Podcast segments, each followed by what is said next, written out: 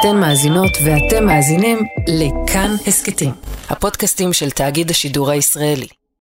אחרי שהיא חזרה מהאשפוז, של הבית חולים, אחרי תקופה קצרה ממש, שהיא כאילו התחילה להיעלם מהבית, אז אפשר הבנו שמשהו לא בסדר.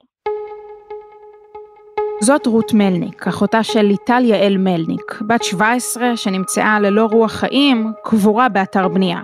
קשה לעכל את הסיטואציה הזאת, וזה לא לי עדיין, בכלל בשום צורה.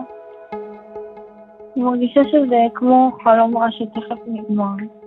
רות מספרת לקרן נויבך על הרגע שגילתה שאחותה, שצעירה ממנה רק בשנה, מנהלת קשר קרוב ואינטימי עם גבר בן 49, אח במחלקה הפסיכיאטרית במרכז הרפואי, שבו הייתה מאושפזת כשנה לפני הרצח. לא יודעת, שפתאום היא נעלמה ושאלתי אותה לאן את הולכת, לא רציתי, כאילו, רציתי שהיא תישאר בבית, ואז היא פלטה לי כמה דברים, וככה גילינו. אותו גבר הוא החשוד ברצח שלה, רצח שמציף את הפינות הנסתרות ביותר בחברה שלנו, החיים של מתמודדי נפש הרחק מהעין הציבורית.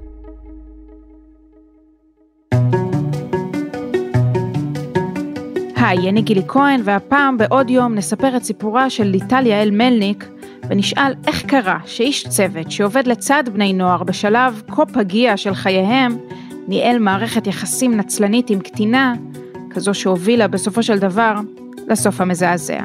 וזה למרות סימני האזהרה והניסיונות מצד המשפחה שלה להרחיק אותו ממנה. אנחנו נדבר גם עם העיתונאית קרן נויבך, שמתעקשת לסקר את החצר האחורית הזאת, שלרוב מעדיפים להתעלם ממנה, המציאות הקשה, במחלקות הפסיכיאטריות. אבל קודם, נתחיל במקרה של ליטל, שאיש לא יכול היה להישאר אדיש אליו.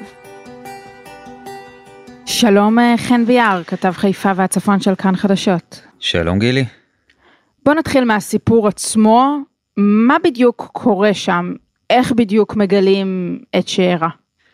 זה מתחיל בעצם ביום שישי, תחילת החודש הזה, שליטל יעל מלניק, שרק התחילה ללמוד בפנימייה בדרום, בכרמיה, והיא אמורה לחזור הביתה לחופשת סוף שבוע. אבל משהו בדרך משתבש, היא בעצם מעבירה איזשהו מסר למשפחה שלה שאומר שהיא תגיע מאוחר יותר ומכבה את הטלפון. בהתחלה זה לא מאוד מדאיג את המשפחה כי זה לא משהו שלא קרה בעבר, אבל ככל שעוברות השעות והיא לא חוזרת הביתה בסופו של דבר אחרי שיחה עם הפנימייה בשעה תשע וחצי בערב מחליטים לערב את המשטרה וסבתא שלה מתקשרת למשטרה ומספרת שהיא לא חזרה הביתה וגם מזכירה שם של אדם בשם אדוארד קצורה שהיה איתה בקשר בתקופה האחרונה והיא הסבתא מוטרדת ממנו. הסבתא כשהיא מתקשרת למשטרה זה אחרי כמעט חצי יום שהיא לא יודעת מה קורה עם הנכדה שלה וזה השם הראשון שעולה לה בראש? נכון זה השם שהיא מזכירה ומהר מאוד קודם כל מאתרים את הטלפון של האדם הזה מנסים להבין מי הוא ומה הוא מבינים שהוא תושב קריית מוצקין גם אה, מצליחים למקם את ליטל יעל באותו האזור, באזור הקריות, מחליטים להגיע אליו הביתה בשעת לילה, דופקים בדלת, הבית סגור, חשוך, לא מוצאים שם אף אחד, ובעצם ממשיכים בחיפושים אחריה מתוך uh, הבנה שיכול להיות שיש איזשהו חשש שקרה לה משהו, אבל אני לא יודע עד כמה חושבים שהחשש הוא מיידי בשלב הזה, עד שמגיע הבוקר ואז מגיעה שיחת טלפון נוספת למשטרה. ושיחת הטלפון הזאת היא משומר באתר בנייה בקריית מוצקין שהוא מספר שהוא רואה פשוט ידיים שמבצבצות מתוך האדמה. והמשטרה כמובן מגיעה מהר מאוד למקום, מבינים שזו גופה שקבורה באדמה, ולמרבה הצער גם מבינים שזו אכן ליטל יעל מלניק. נמשכת חקירת הרצח בקריית מוצקין. תושב העיר בן 45 נעצר בצהריים בחשד למעורבות במותה של צעירה שגופתה נמצאה הבוקר מכוסה באפר באתר בנייה ליד החי פארק.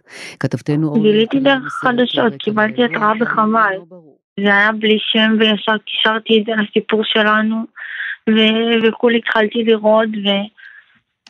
ולא לא, לא ידעתי מה לעשות, לא, חשבת, לא, לא יודעת, זה הזיה, זה הזיה באמת, כאילו אני לא, אני לא מצליחה להכיר את הסיטואציה הזאת, לא מצליחה.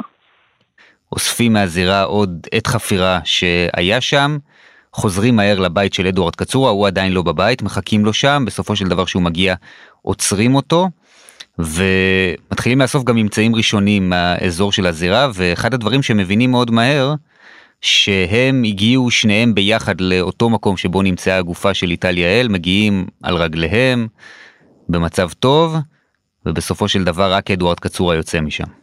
מה זה אומר בעצם? שמה הוא ניסה לעשות או שמה הם חשבו לעשות? קודם כל מבינים שאין סימני אלימות על, ה, על הגופה ויש חשד שהיא אה, נקברה בחיים, זה דבר שעולה כאפשרות מהר מאוד. מכיוון שפשוט לא כל כך מוצאים סימנים שתומכים באפשרויות אחרות, גם מבינים שבעצם המקום שבו מצאו אותה זה מקום הרצח, ששם mm-hmm. הכל קרה, וכשבעצם מאבדים את כל הדברים האלה ביחד וגם מתחילים לשאול אותו ולחקור אותו ולדבר איתו, מתברר שה... הפערים בגרסאות הם מצומצמים מאוד, כלומר גם אדוארד קצורה מאשר שהם הגיעו ביחד למקום, אה, הוא טוען שהם חפרו ביחד את הבור, ושליטל יעל מלניק נכנסה לבור הזה, בסופו של דבר הוא רק אומר דבר אחד, אני לא זה שרצח אותה, אני לא התכוונתי לפגוע בה מעולם, ולא התכוונתי להזיק לה, ובטח שלא לרצוח אותה. יש לו הסבר שאנחנו עדיין מנועים אה, מלפרט אותו לחלוטין בגלל צו איסור פרסום שיש על פרטי החקירה, אנחנו לא יכולים להסביר בדיוק מה הייתה התכלית מבחינתו של כל השורת אה, מעשים האלה. הסבר אני יכול להגיד לך מאוד uh, מוזר, חולני, אבל הטענה שלו היא שהוא לא רצח למרות שהוא מאשר שהוא היה שם ושהוא היה חלק מהאירוע הזה ושהוא לא רצה לפגוע בה. מה בדיוק הוא רצה לעשות אנחנו עדיין לא יכולים להגיד. אז בוא כן שנייה נלך כמה צעדים אחורה. מי היא אה, יעל אה, ליטל מלניק? היא תושבת אור עקיבא, שבעצם אושפזה בשלב מסוים בבית חולים, בית חולים פסיכיאטרי בטירת כרמל, מקום שנקרא מעלה כרמל, הייתה מאושפזת שם לשתי תקופות שונות, ובמהלך התקופה הזו היא בעצם מכירה את אותו אדוארד קצורה שהוא בן 49 והוא עובד במקום, עובד כאח בבית החולים במחלקה שבה מאושפזים בני נוער. ושם בעצם הם אה, הכירו, נוצרה איזושהי מערכת יחסים ביניהם שהיא כמובן דבר שהוא פסול ואסור בנסיבות האלה של אה, היכרות בתוך בית חולים שכזה. ואנחנו לא יודעים כמה מהר זה קרה אבל הקשר הזה התהדק והמשטרה אנחנו יודעים היום מייחסת לו גם אה, בעילת קטינה תוך ניצול יחסי מרות מלבד החשד לרצח של איטליה אלמלניק. השאלה הגדולה היא באמת איך זה קרה בתוך בית החולים, בתוך המחלקה שאמורה להיות סגורה ומגוננת עם מנגנונים שאמורים למנוע מדבר כזה לקרות. יש עובדים בסביבה שהבחינו, לא ברור עד כמה הם הבינו שהדבר הזה חמור בזמן אמת, ולא ברור עד כמה הם חיברו את כל הנקודות, אבל זה בהחלט לפי העדויות שעולות לא משהו שרק נלחש בחדרי חדרים, זה קשר שידעו עליו והוא נרקם בתוך המחלקה ונמשך גם לאחר השחרור של ליטל אל מבית החולים. במשפחה שלה רואים את זה, לא אוהבים את מה שהם רואים, מאוד מודאגים, ובאוגוסט בית משפט חותם על צו הרחקה שאומר שלאדוארד קצורה אסור להתקרב לליטליה אלמלניק, אבל הצו הזה הוא בעצם רק על הנייר, כי אף אחד לא בדיוק מכבד אותו. הם שניהם ממשיכים להיפגש, המשטרה בכלל לא יודעת שיש צו, בית החולים בכלל לא יודע שיש צו, כי היא כבר לא מאושפזת בשלב הזה, היא שוחררה, אז לכאורה לא נוגע אליהם. הרווחה יודעת, אבל נראה שקצרה ידם שם מלהושיע ולהתערב בעניין הזה.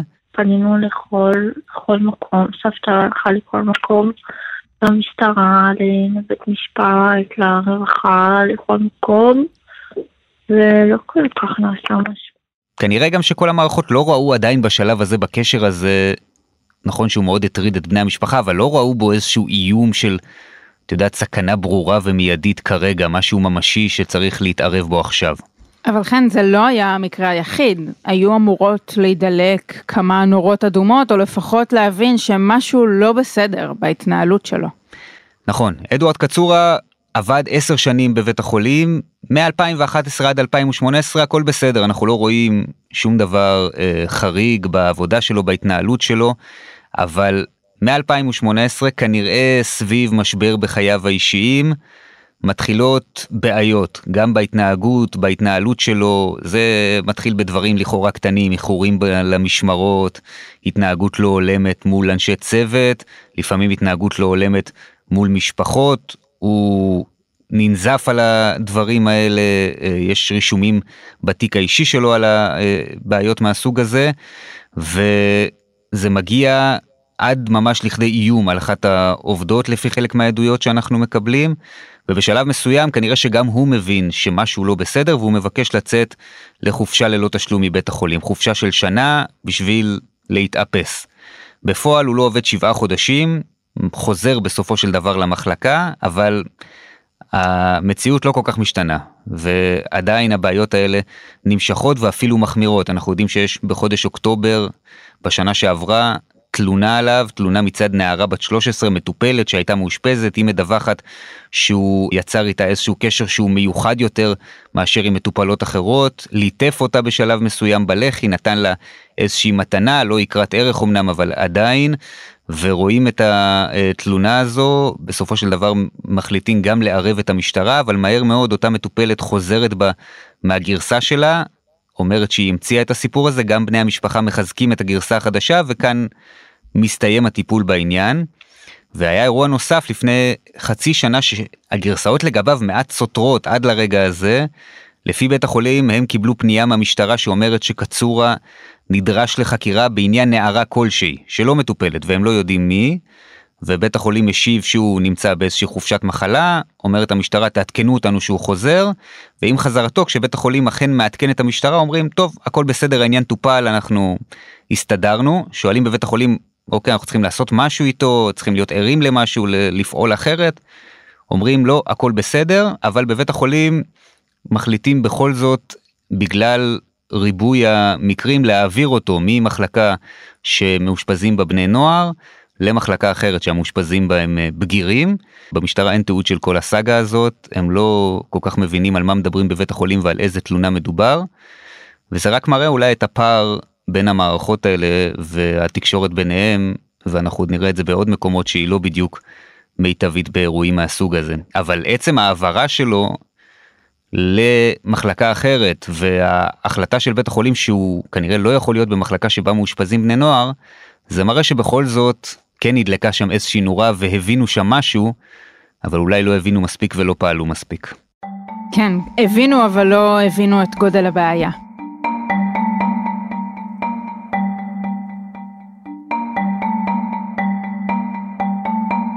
חן, אני רוצה לשאול אותך, מה צפוי לקרות עכשיו? כי הפרשה הזאת נדמה לי חורגת מהסיפור של ליטליה אלמלניק ומצליחה להעיר עד כמה שניתן על מה שקורה שם, והתמונה די עגומה.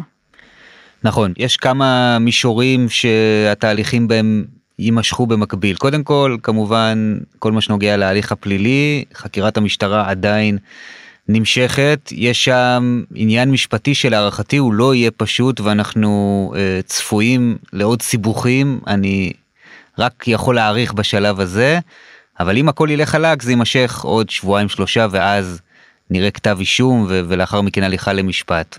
זה צד אחד. הצד האחר הוא כל מה שנוגע באמת לטיפול בבית החולים לבריאות הנפש ושם כבר די ברור שתקום ועדה חיצונית שתבדוק את כל ההתנהלות של כל מה שנוגע לבית החולים, איך נרקם הקשר הפסול הזה, מה ידע בית החולים, מה היה צריך לדעת בית החולים טוב יותר, ואני חושב שטוב יעשו אם אה, יקימו איזשהו גוף שיסתכל גם על התמונה הכוללת, כי בסוף, ואנחנו רואים את זה גילי בהרבה מאוד אה, אירועים שנוגעים בעיקר לנשים שנמצאות בסיכון ומאוימות, וזה נכון מאוד גם במקרה הזה.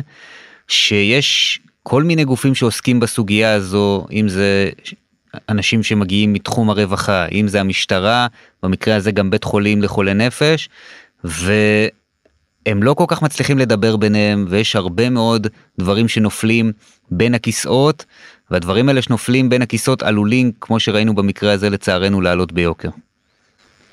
חן ביאר, אתה כמובן תמשיך אה, ותעקוב אחרי הסיפור הזה, אנחנו נבקש להודות לך על ההצצה, גם על הסיפור וגם על מה שקורה מאחורי הדלתיים הסגורות. תודה. תודה רבה.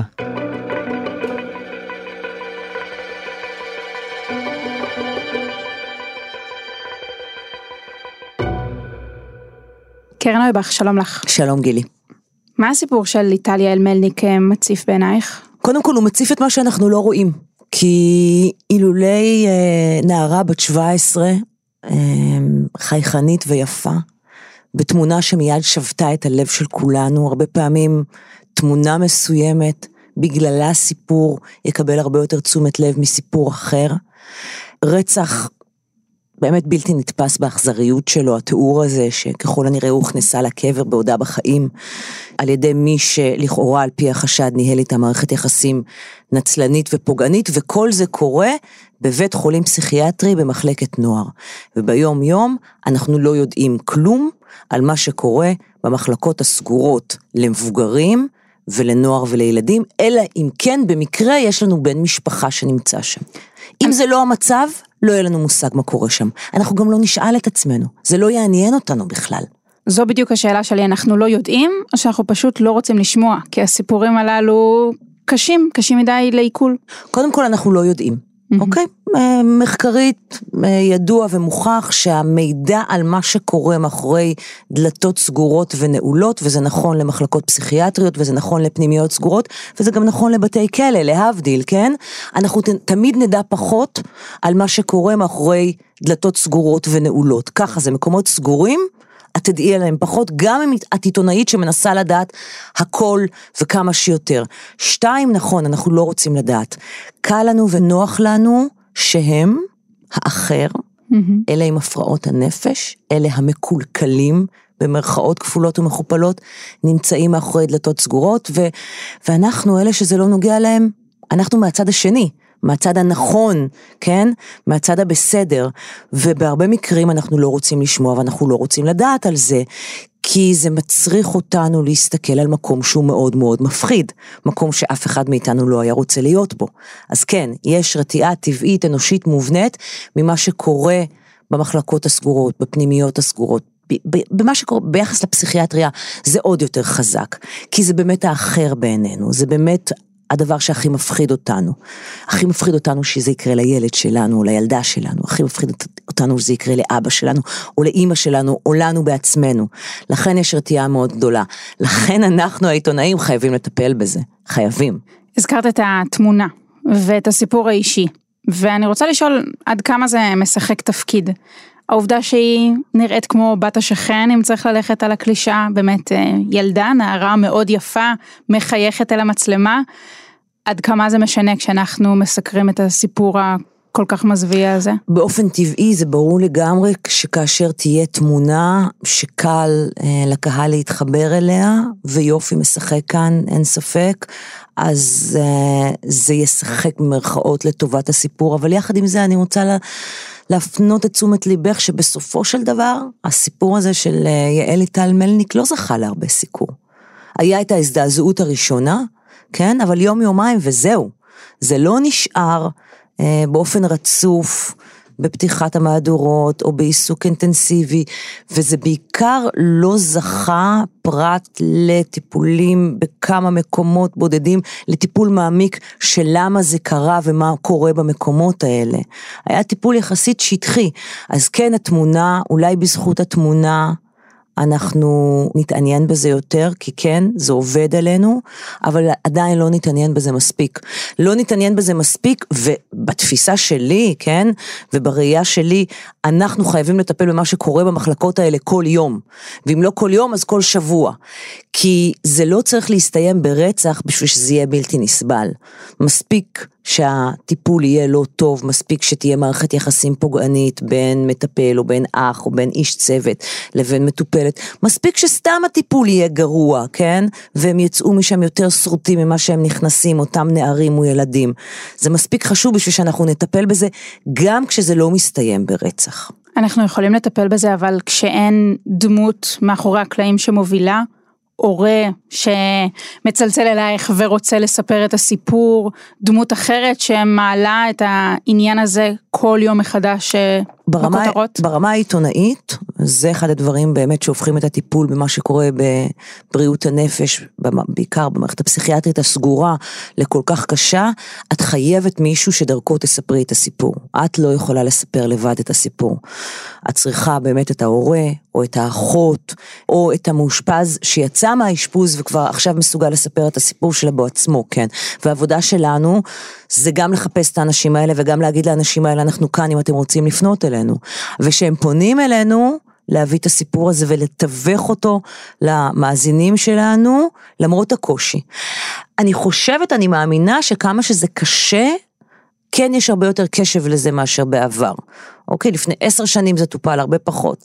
אנחנו בתוכנית התחלנו לטפל בזה באופן אינטנסיבי ב-2016, מאז אנחנו מקפידים לטפל בזה כל הזמן ברמה כזאת או אחרת, שמדי פעם יש, את יודעת, אירועים אקטואליים שבזכותם, במרכאות, אנחנו נותנים לזה עוד טיפול עומק, אבל מקפידים לטפל בזה כל הזמן. ואני חושבת שאנחנו חייבים, אנחנו חייבים את זה לאנשים האלה, כי את יודעת, זה באמת האנשים הכי פחות נשמעים. ואם אנחנו לא נאפשר להורה או לאחות שמתקשרים אלינו לבוא ולספר את הסיפור, אנחנו לא עושים את העבודה שלנו. והסיפור הזה של אה, ליטליה אלמלניק ייזכר, או שהוא יצטרף לעוד אחד מבין רשימה ארוכה ארוכה של סיפורים שאיך שהם עולים לכותרות, כך הם גם נשכחים מהם? תראי, זה מזכיר לי סיפור דומה שקרה עם אה, נערה שלא הגיעה לאשפוז בפנימייה, ובמהלך אה, סוף שבוע היא נמצאה בסופו של דבר שלא בחיים, והיה חשד לכך שהבחור שהיא בילתה איתו אה, נתן לה סמים וכך הלאה, וכולם אמרו, זה יהיה קו השבר, זה יהיה הצומת, אחרי זה הפנימיות תראו אחרת. זה לא קרה. אז לבוא ולהגיד זה יהיה קו השבר, אחרי זה המחלקות הפסיכיאטריות לנוער לא יראו כבר אותו דבר, לא יקרה אירוע כזה עוד פעם, המחלקות עכשיו ישתנו, אני בספק מאוד גדול, מאוד מאוד גדול. אין שינויים של uh, משהו בן לילה, אין מין uh, צמתים כאלה שאחריהם הכל נראה אחרת. זו עבודה מאוד סיזיפית, אה, מאוד, בצעדים מאוד מאוד קטנים של שינויים, גם במשרד הבריאות, שעושה מה שהוא עושה, וגם שלנו, כן? וגם של מטפלים, וגם של המשפחות, שום דבר פה לא משתנה בן לילה. זה הכל אה, שינויים ותהליכים שלצערי הם מאוד מאוד ארוכים ומאוד מאוד מתמשכים ומאוד מאוד מתסכלים לעיתים. קרן רבח, תודה רבה לך. בשמחה.